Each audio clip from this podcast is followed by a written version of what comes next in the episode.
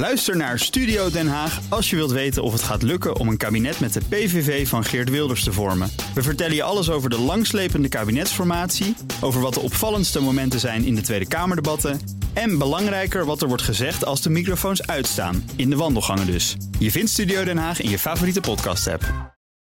De column van Jaap Jansen. Pieter Omtzigt kon zijn tranen nauwelijks bedwingen.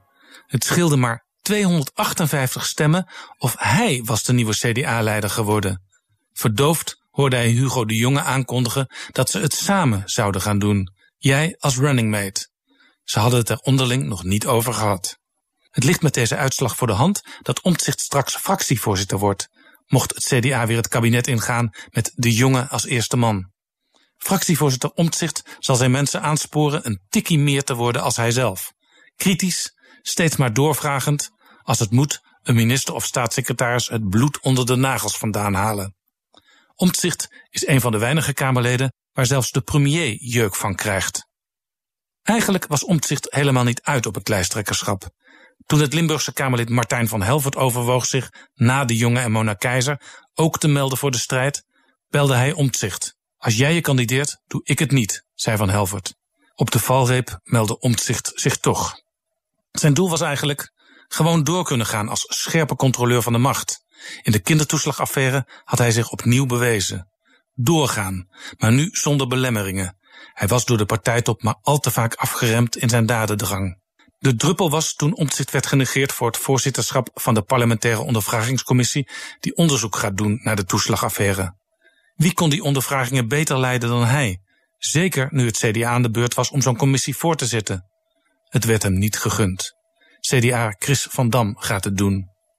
Het is de vraag hoe het leiderschap van de jongen met omzicht op twee gaat uitpakken.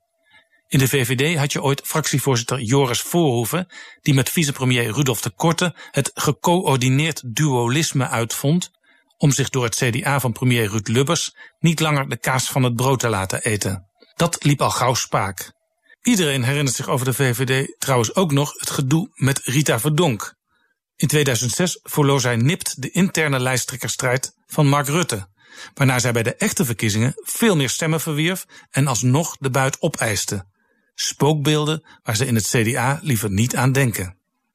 En dan is er nog het gevaar dat Hugo de Jonge de komende maanden in problemen komt met zijn aanpak van de coronacrisis.